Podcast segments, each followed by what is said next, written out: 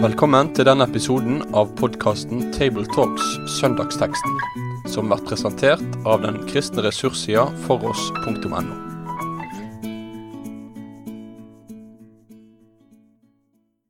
Hjertelig velkommen til en ny episode av eh, Tabletalks. eh, Og i dag så er det teksten for julaften som vi skal jobbe med og snakke om. Eh, Og eh, med meg i studio så har jeg eh, min kollega fra Fjellhaug.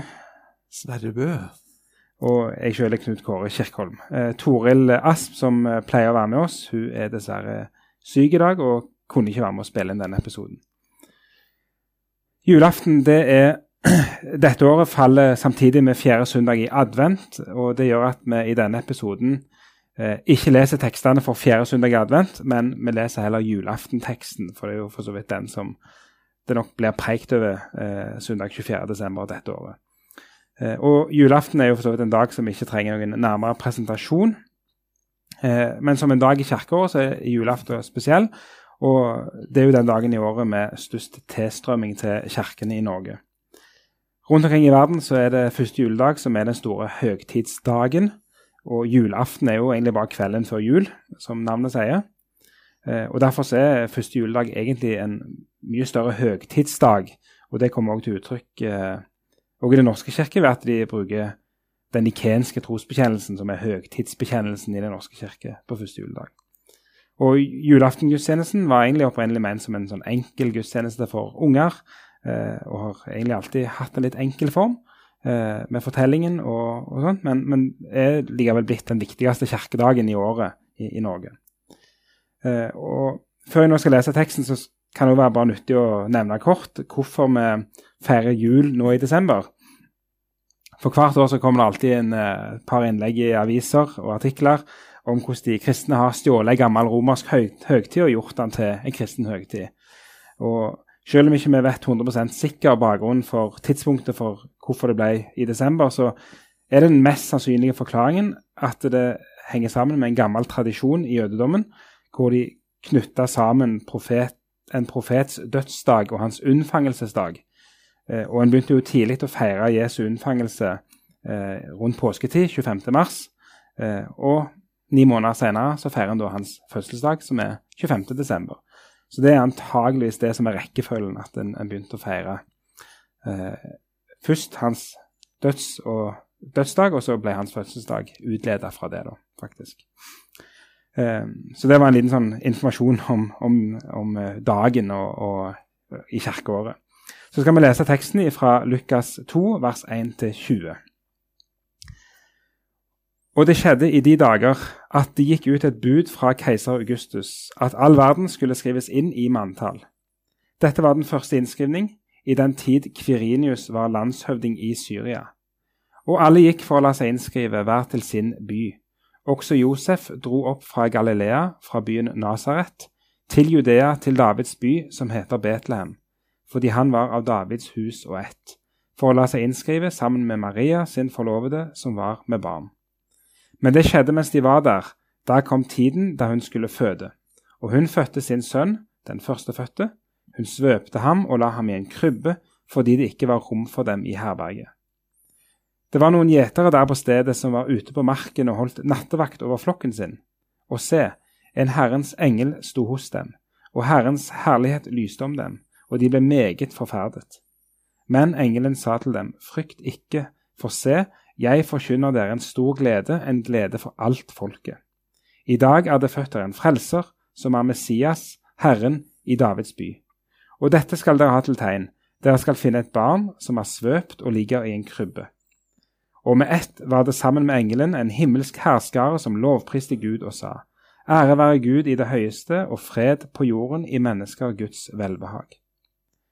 Og det skjedde da englene var fart opp fra dem til himmelen, da sa gjeterne til hverandre, La oss nå gå rett til Betlehem og se dette som har skjedd, det som Herren har kunngjort oss.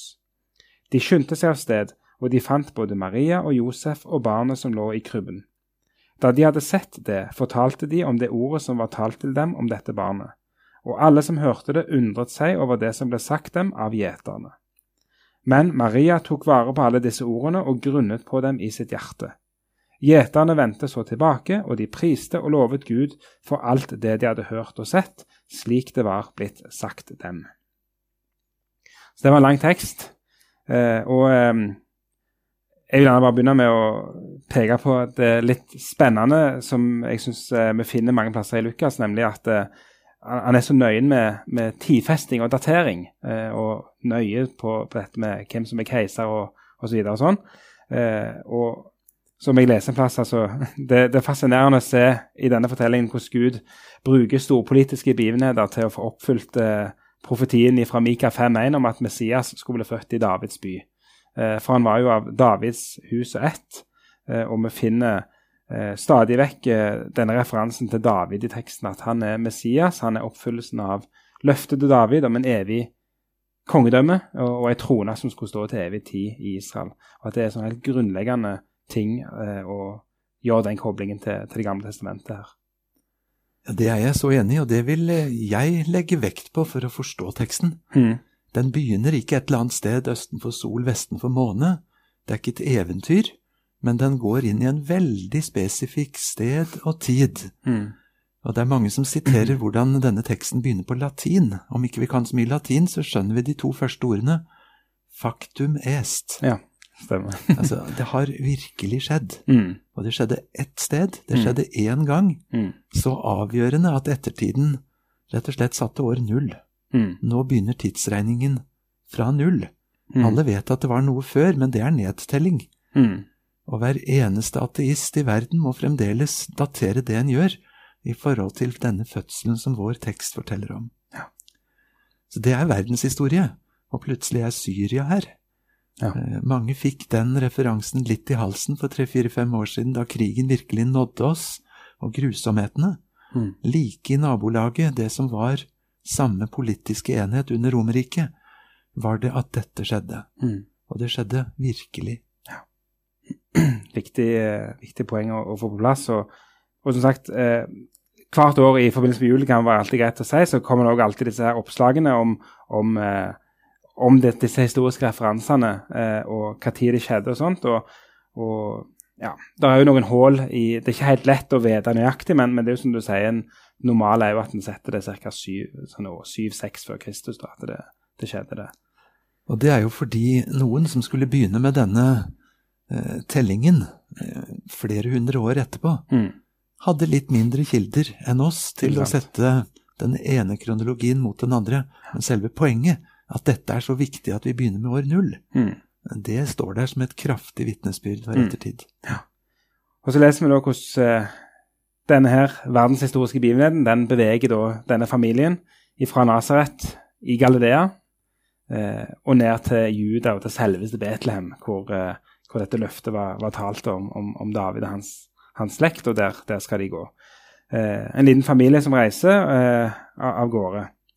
Eh, og så er jo dette en fortelling med ufattelig mange Det er jo utrolig mye la oss si, romantikk knytta til denne fortellingen eh, og, og litt sånn romantisering av det hele. og hvordan, eh, Som predikant og forkynner, hvordan eh, går vi inn i den materien?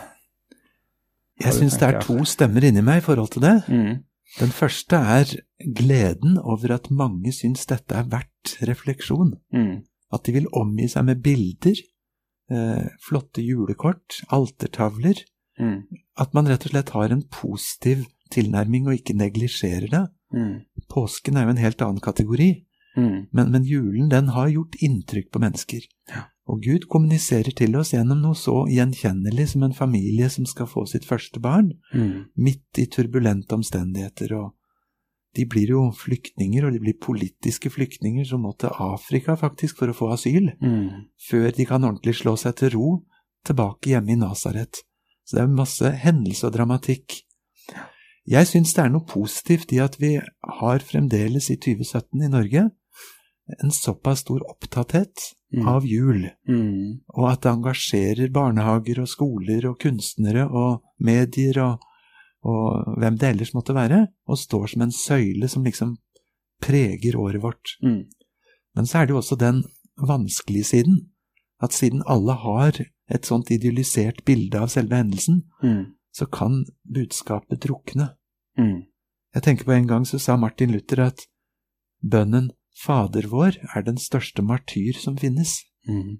fordi den bare ble til ei regle Ja. som ikke lenger kom til orde etter sin sak. Mm. Så kan du nesten tenke likedan om jul. Mm. Alle har en forestilling om at vi vet hva julen handler om, og da å virkelig komme inn under huden, og virkelig forstå teksten, det blir jo en kjempeutfordring for ikke bare predikanter, men oss alle sammen som bekjenner troen. Mm. Ikke sant. Ja.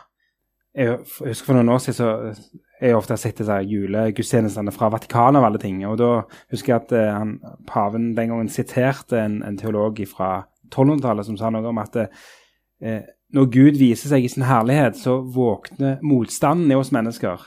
Og derfor så kommer han som et barn eh, for å ta vekk den motstanden i oss.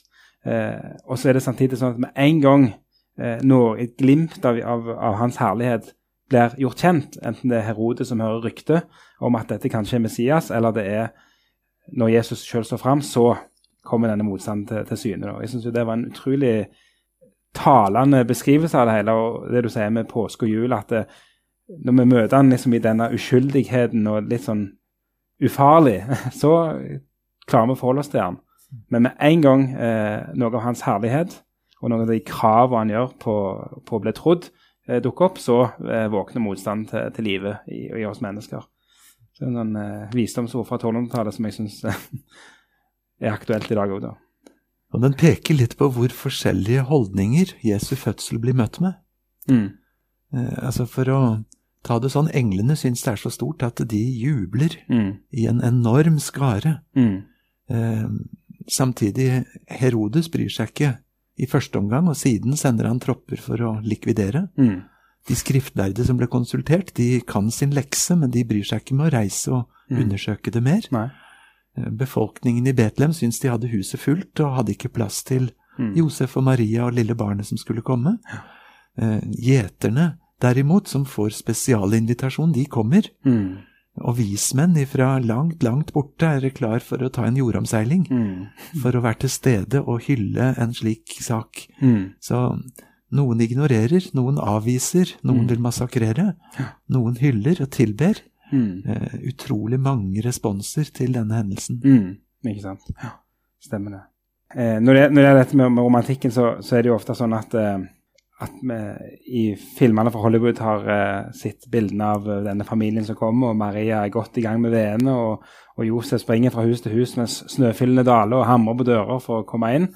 Uh, men så står det jo vitterlig i teksten 'mens de var der', kom tiden da de skulle føde. Uh, så det er sånn, Hvor mye skal vi avkle myter? det virker som at de er kommet til Betlehem, og at når de er kommet fram, så kommer tida, og, og at de kanskje Ja. Eh, og, og dette med herberge og husrom som vi finner i de nye oversettelsene. Eh, hvordan eh, møter vi dette her? Ja, jeg tror det er noen ganger sted og tid for å gå i møte med, med disse mytene og de altfor billige, idylliserte forestillingene. Men jeg er ikke sikker på om jeg som prest i en overfylt kirke ville liksom bruke anledningen til å plukke i stykker alt dette. Eh, Det er i hvert fall en kommunikasjonsbit i det, hvor en skal tenke gjennom eh, når er det nødvendig å skjære igjennom, Mm. og når kan vi la det ligge? Mm. For uansett så vil det være mitt hovedpoeng å komme til selve saken. Mm. Han kalles en frelser. Mm. Himmelen syns det er så stort at engler må rykke ut. Mm. Eh, Og det er sagt uttrykkelig at dette er for hele folket. Og det knyttes an til Det gamle testamentet med løftene om en Messias, Mm. en salvet en. Og tre ganger får vi høre at dette har med David å gjøre. Hans by eller hans slekt. Mm. Så det linkes ganske uttrykkelig. Mm. Og kommunikasjonsmessig vil nok jeg bruke julaftensgudstjenesten mer til å styre det mot sitt virkelige sentrum, Mm. enn spesielt det å gå i rette med de der tankene. Ja, Ikke sant. Det er et lys. Det er det himmelske lys som, som kommer. Og, og vi har løftene fra Jesaja 9 om lyset som skal stråle over folket som er i mørket. Og i en tid hvor folk gjerne leter innover etter lys, så leser vi her om et lys som kommer ovenfra, og som stråler ned, og som, som forkynner eh, om Han, da. Ja, Det er et kjempepoeng. Fordi hele kristendommen handler jo om at Gud utenifra Mm. gjør noe. Mm. Det var ikke noen komité av skriftlærde som anbefalte Gud å la sin sønn bli født i Betlehem, så kan han drepes i Jerusalem. Mm. Dette fant Gud på. Mm. Gud gjorde det. Og jeg sitter her med en åpen salmebok. Her Mm. kommer dine arme små. Ja. En nydelig julesalme som brorsan skrev for børnene, Mm. sier han uttrykkelig. Mm. Eh, Jeg er selv et barn i den mening at dette syns jeg når rett inn. Men der legger jeg merke til at alle salmebokutgivere, med noen veldig få unntak, de har klippet bort deler av salmen, sånn at tråden er på en måte tapt. Ja. Eh, I den mer fullstendige versjonen så er det at her kommer vi, vi løper deg med sang imot, og velkommen fra din himmelsal. Mm. Men eh, til denne verdens tåredal, hvor mandag intet annet bød enn stall og krybbe, kors og død. Ja. Og så kommer det et vers som er klippet bort hardhendt i nesten alle salmebøker. Hvor brorsan sier, all verden sto i Satans pakt, da brøt vår Jesus frem med makt, og rev oss ut med blodig hånd av alle våre fienders bånd. Men Jesus, hvordan går det til at dog så få betenke vil den inderlige kjærlighet som dro deg til vår jammer ned? Det er en tråd i det, Mm. Og det bakteppet av at vi sto på feil side. Mm. Og det trengtes ikke noe mindre enn at Jesus brøt seg inn med blodig hånd for å redde oss. Det, Det blir for anstøtelig. Og så klipper man bort hele verset og mister på en måte bakteppet. Mm. Sant? Teksten har det med, for det er mørkt, bokstavelig talt, Mm. når himmelens lys er så sterkt at folk blir slått til jorden av redsel. Mm. Og det er ofte verdt å gjøre et poeng at det er liksom på en av årets mørkeste dager, det, da feirer vi at lyset kom. ikke sant? Det, det er noe fint med, med å kunne knytte land til, til det vi ser i naturen rundt oss òg, da. Um, så har jeg Apropos salmer, altså vi synger jo det, Jeg syns det er et morsomt poeng. altså Vi synger jo Eller morsomt, det er jo også alvorlig, da, men vi synger 'Barna født i Betlehem' om, om eh, okse der og asen sto. Eh, og jeg har brukt mye tid i mitt liv på å fundere over hvilken verden vi synger det. Men egentlig så er det jo en kjempespennende tanke nok med at det her er det plukket opp fra Jesaja 1 eh, om, om eh, at en okse og et esel de kjenner sin herre, og de vet hvor, hvor det er mat å få, mens mitt folk i Israel de har, de vet ikke. Eh, og, og det er jo noe av det som gjerne også gjelder i julen, at eh, og, altså, som sier at verden lå i mørket og kjente ikke eh, sin herre, men, men da, da står det okse og et esel der, og, de, eh, og, og den som hadde like mye ved som de, den vil forstå hva som er i ferd med å skje eh, her i, i Betlehem da, eh, på denne kvelden. Han kom til sine egne, men hans egne kjente ham ikke, visste ikke, tok Ja. ikke imot ham. Ikke sant? Mm. Men heldigvis, Mm. de som tar imot ham, de skal få rett til å kalles Guds barn. Og da har vi sant, disse her eh, i tempelet som, som venter på Israels trøst, og, og, og, og som får se han og gjenkjenne frelseren i barnet som, som kommer, kommer der. Det er jo noen av de flotteste juletekstene, egentlig, akkurat de, da. Eh, jeg har lyst til eh, Englesangen. Eh, noen ord om den òg. Eh, de kommer jo og jubler. Eh, og så står det dette her eh, underfundige uttrykket, altså fred på jord eh, blant mennesker, Guds velbehag. Hvordan forstår vi det? Er det at Gud elsker alle mennesker, eller og at det er det det handler om, eller er det noe mer ute og går her? Det passer liksom dårlig på en eh, julaften å begynne med hele historien om forskjellige håndskrifter vi har til den greske teksten her. Mm. Men det, det stikker et ganske stort problem akkurat der. Ja. Det er kun en liten eh, S som mangler, eller som er ekstra, Mm. i halvparten av de eldste manuskriptene. Mm. Og det ender med at teksten faktisk gir to litt forskjellige spor, da. Mm. Eh, Blant mennesker Guds velbehag, blant mennesker som Gud har glede i. Mm. Og og nå går det an å forstå begge varianter veldig oppbyggelig, Mm. og det må vi gjerne få lov til å gjøre, men Mm. det var nok en av de to tilnærmingene som uttrykkelig var sagt. Ikke sant? Og vi må gjerne flytte hovedvekten på det at det handler om Gud, og det handler om Hans herlighet, og Mm. den retter seg mot mennesker. Mm. Så langt er vi i hvert fall eh, på samme spor. Ikke sant? Men det er jo kanskje ikke så rart da at vi 2000 år etterpå syns det er vanskelig å oversette til vårt språk hva englene fra himmelen sa, når noe så stort skjedde som at tidsregningen skal nullstilles. Ikke sant? Det er noe med det.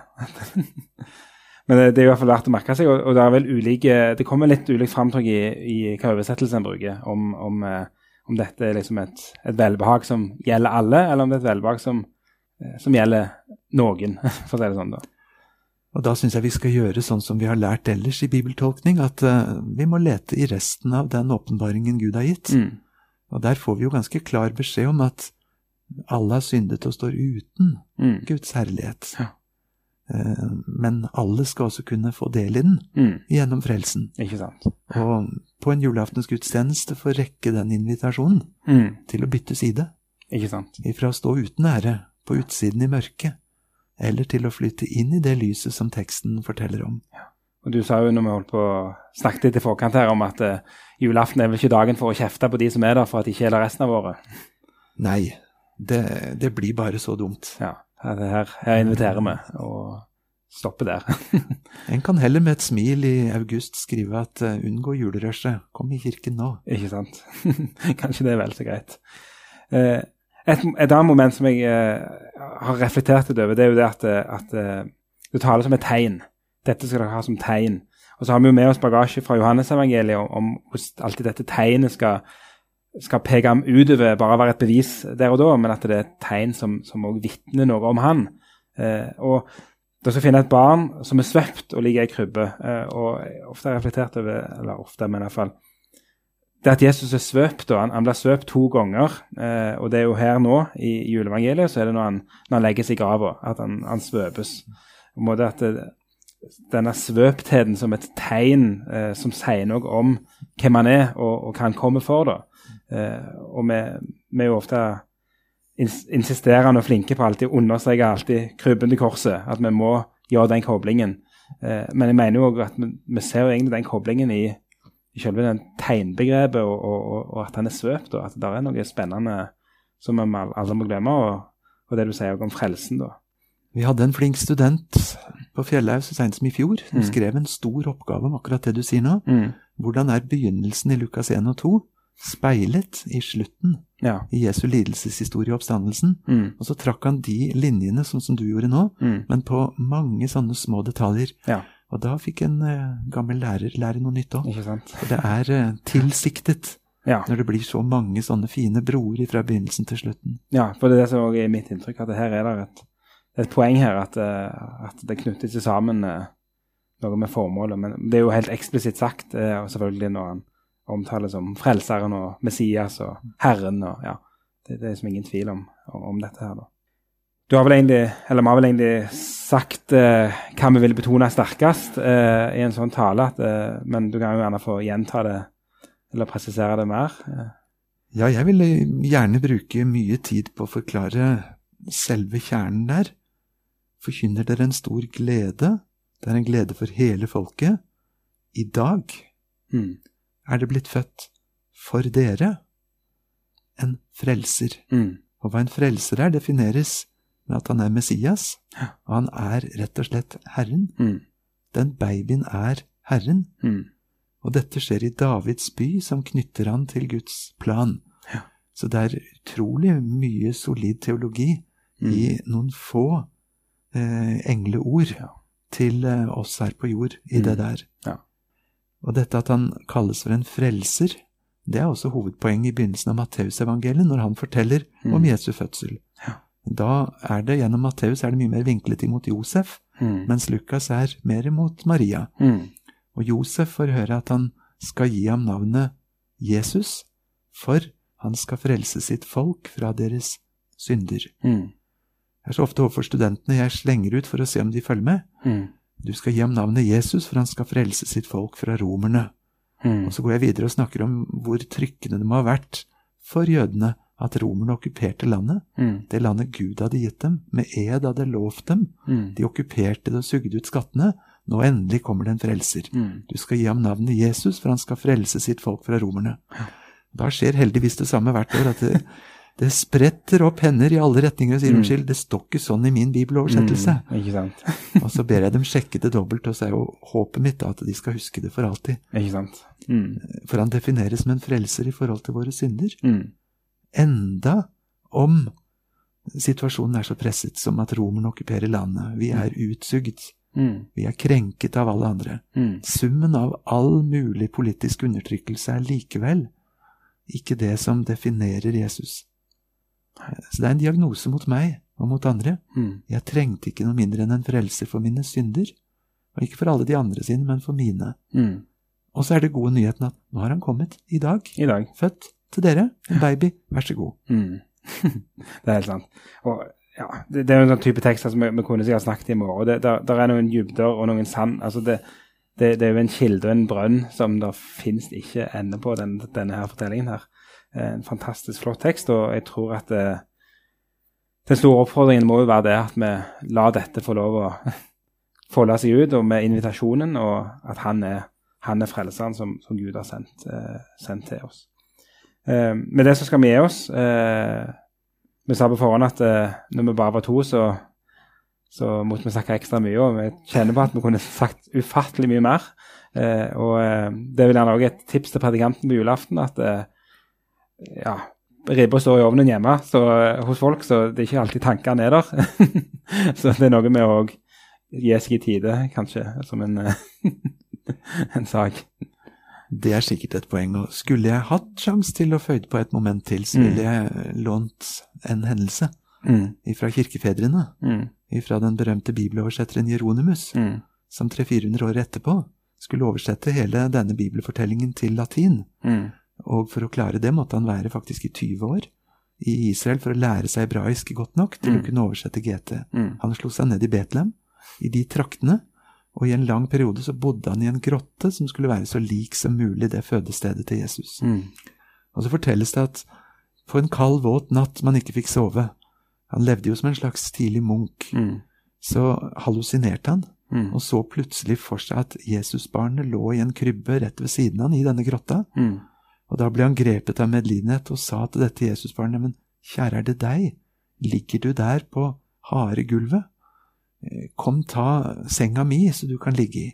mm, Og så svarte Jesusbarnet eh, tydelig og sa, kjære Jeronimus, hele himmelen er min, skulle jeg trenge madrassen og senga di? mm, Men Jeronimus ga seg ikke og sa, du ligger jo der uten et dekke, ta dyna mi. Men Jesusbarnet svarte likeså at han hadde jo skapt hele jorden, og alt tilhørte ham. Men så la Jesusbarnet til, hvis du nå absolutt skal gi meg noe, så gi meg dine synder, mm, gi meg din dårlige samvittighet, og gi meg fortapelsen din.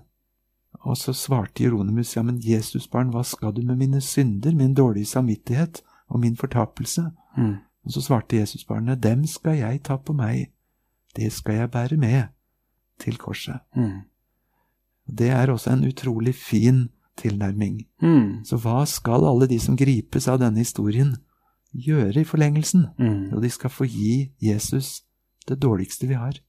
Synd, nederlag, svik, dårlig samvittighet, fortapelse, Mm. og bytte det med den nåden som han kom for å gi oss. Mm. Det var en verdig avslutning eh, på en samtale om, om Lukas eh, kapittel 2, vers 1-20. Eh, og eh, med det så vil vi ønske Guds velsignelse over alle de av dere som skal tale over denne teksten, og uansett om du skal tale eller bare reflektere over den, eh, og, og det å få øye på disse store sannhetene som ligger i denne teksten.